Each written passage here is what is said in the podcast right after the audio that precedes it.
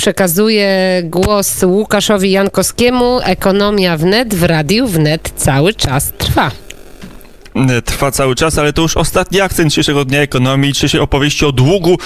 Puentować naszą codzienną, całodzienną dyskusję e, będzie ekonomista młodego, żeby nie powiedzieć najmłodszego pokolenia Jan Zygmuntowski, ekonomista Akademii Leona Kośmińskiego. Dzień dobry.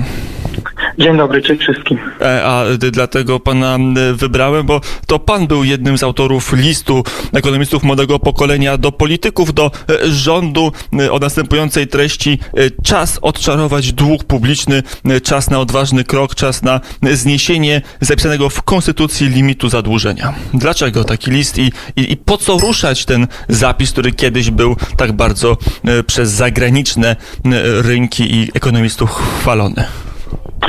No rzeczywiście ta debata już toczy się od dłuższego czasu, więc e, e, mam nadzieję, że większość słuchaczek i słuchaczy jakieś argumenty już kojarzy, czy, czy jest zaznajomiona, e, dlaczego te limity długu takie sztywne i i wyznaczone dosyć arbitralnie, dlaczego właśnie one e, niekoniecznie e, są, czy nie zawsze są korzystne, a szczególnie nie są korzystne w takiej sytuacji jak ta.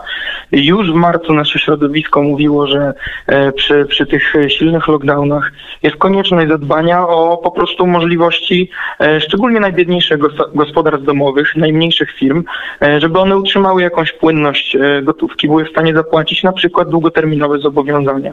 No i Taki limit e, długu e, umieszczony w Konstytucji, e, być może, chociaż to też kwestionowalne, jest dobry w takich czasach zwykłych, ale w czasach, kiedy mamy do czynienia z, z, kryzysem, z recesją, z, z, różnego rodzaju szokami popytowymi albo podażowymi, no to może się właśnie tak okazać, że jest konieczność zwiększania tego pieniądza w gospodarce, szczególnie właśnie na tych niższych szczeblach, powiedzmy, obrotu. No i w takim przypadku konieczne jest zwiększanie zadłużenia publicznego. Jeśli nie zwiększy się zadłużenia publicznego, to zwiększy się e, dług prywatny, który ludzie zaciągną sami na dużo, dużo gorszych warunkach. A właśnie, czym się różni ten dług prywatny od tego długu publicznego? Dlaczego znowu zadłużenie się państwa miałoby być lepsze niż prywatne, skoro już i tak, jak rozumiem, zadłużać w czasie kryzysu się trzeba? E, przede wszystkim dlatego, że e, państwo ma dużo większe moce spłacenia tego kredytu i rozpoznają to bardzo łatwo inwestorzy. W związku z czym inwestorzy e, są gotowi ten, ten dług kupić w postaci na przykład obligacji Skarbu Państwa za duż, po, po dużo mniejszej rentowności, czyli tak naprawdę ten koszt obsługi długu jest dużo, dużo mniejszy i jest rozłożony na, na całą gospodarkę, ponieważ państwo ma swoje swoje, e, e, znaczy ma możliwość spłaty obligacji dzięki temu, że gospodarka się rozwija jako całość, Tymczasem dług prywatny, szczególnie zaciągany właśnie przez te gospodarstwa, które na przykład muszą spłacić hipotekę za mieszkanie, muszą spłacić jakieś zobowiązania wobec dostawców, to małe firmy, e, no dług zaciągany przez takie, przez takie podmioty jest zawsze na bardzo niekorzystnych warunkach, ponieważ na przykład pożyczkodawcy typu chwilówki korzystają właśnie z e, ciężkiej sytuacji tych e, podmiotów, żeby no, oferować je e, po, po dużo gorszej rentowności i taka, takie podmioty wpadają po prostu w spiralę zadłużenia. Więc tak długo jak, jak, jak, jak jest taka konieczność ratowania całej gospodarki, no to większość inwestorów ma już tą świadomość współcześnie, że no to jest moment, żeby zgodzić się, żeby skupować to zadłużenie i dzięki temu no wszyscy wyjdziemy z tego znacznie szybciej. A z drugiej strony jest pytanie, czy w czasach kryzysu e, przypadkiem te sztywne, klasyczne zasady ekonomii, e, także zasady konstruowania budżetu, które powiedzmy gdzieś w latach 80. wróciły na salony, czyli e, taki ideał budżetu, który ma równowagę, a nawet budżetu, który wykazuje nadwyżkę, tak jak budżet domowy, który jest na plusie i trochę oszczędza. Kiedyś w klasycznej teorii był postawą kapitalizmu takiej akumulacji kapitału.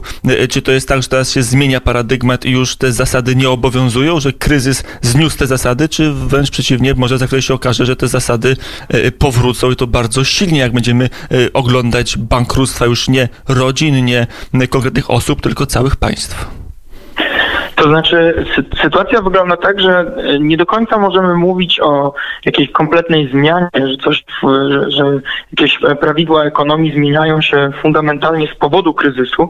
Raczej to kryzys y, pokazuje, czy, czy, czy uwydatnia nam, że te, te zasady, w które wierzyliśmy, zasady właśnie zrównoważonego budżetu, jakichś różnych racjonalnych finansów, to wszystko, czym kierowała się też taka no, neoliberalna polityka gospodarcza, gdzie właśnie państwo ma być nocnym stróżem, nie musi interweniować, nie musi mieć dużego budżetu, no że te reguły działały przez w, bardzo krótkim tak naprawdę oknie czasowym i pierwszy, pierwszy większy kryzys no już pokazał, że, że, że zasady te nie, nie, nie, mają racji bytu.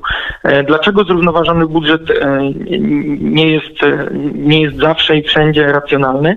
Przede wszystkim dlatego, że budżet, który jest zrównoważony, albo nawet budżet, w którym są nadwyżki, oznacza, że państwo tak naprawdę kasuje więcej pieniędzy, ponieważ ma nadwyżkę, tak? czyli ściąga podatkami więcej z rynku niż emituje za pomocą własnych wydatków.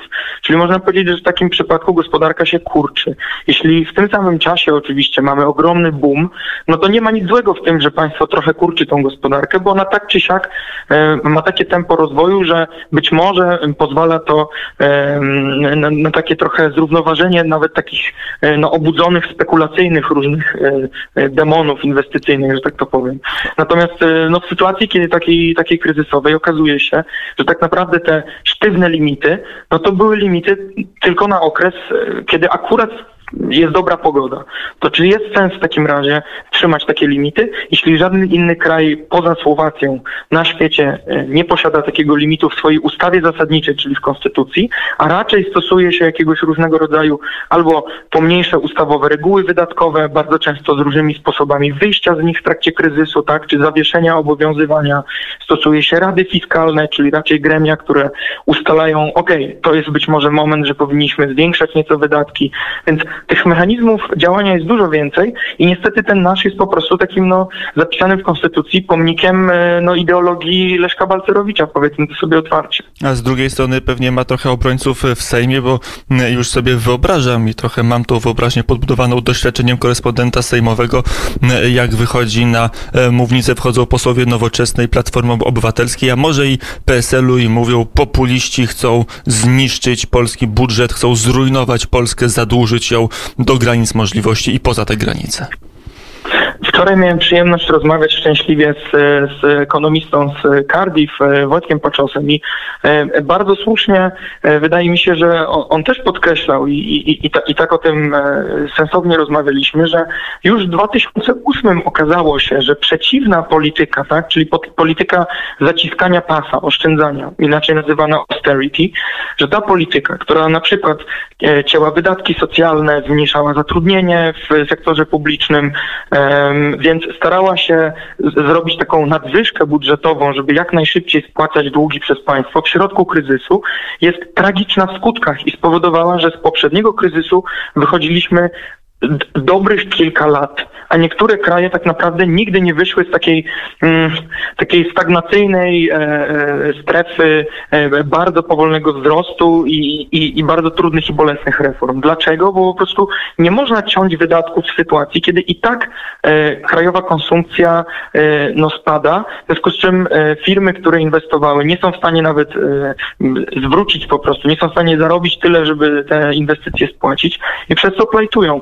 I w takiej sytuacji e, no, populizmem właśnie jest mówienie, niech państwo niczym mityczne gospodarstwo domowe siedzi na górze pieniądza i nie, nie daje tego do obywateli, nie daje tego do ludzi, bo najważniejsza jest kondycja państwa. Nikt się o kondycję państwa nie przejmował, chociażby w trakcie II wojny światowej gdzie mamy sytuację w pewnym sensie porównywalną, to profesor Osiatyński chociażby robił takie porównanie, gdzie prowadzimy teraz wojnę z wirusem.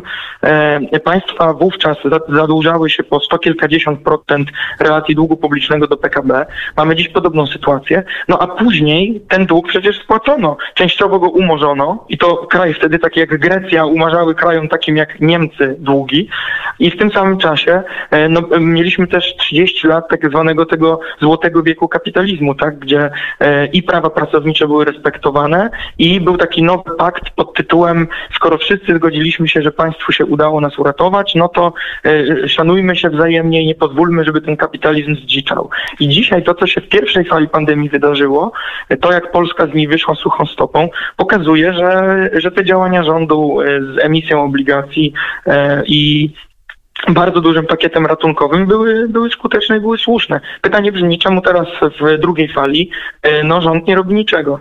I to jest pytanie do rządzących, będziemy je zadawać, a ja tylko e, dodam, że w latach 50. e, pracownik, e, średnia pensja za godzinę w przeliczeniu na dzisiejsze ceny była wypłacana w Fordzie, czyli w największym zatrudniającym, to było 35 dolarów, obecnie w największym pracodawcy w Stanach w porównywalnych, w porównywalnej sile nabywczej zarabia się średnio 10 dolarów, więc może tutaj też jest kłopot, ale to już temat na zupełnie inną e, To dyskusję. Walmart, prawda? Tak jest, tak jest, to Walmart e, zatrudnia Większość ludzi, większość pracowników tam jedzie też na kartkach na żywność, które podobno tylko w komunie były. E, na przykład. I to jest też element do zdziczenia kapitalizmu, no ale może w nas sam miesiąc, w następny ekonomiczny czwartek porozmawiamy sobie o zdziczeniu kapitalizmu. To też jest ciekawy temat. Jan Zygmuntowski, ekonomista Akademia Lena Koźmińskiego był gościem popołudnia wnet. Dziękuję bardzo za rozmowę Bardzo dziękuję, kłaniam się. E, i do usłyszenia.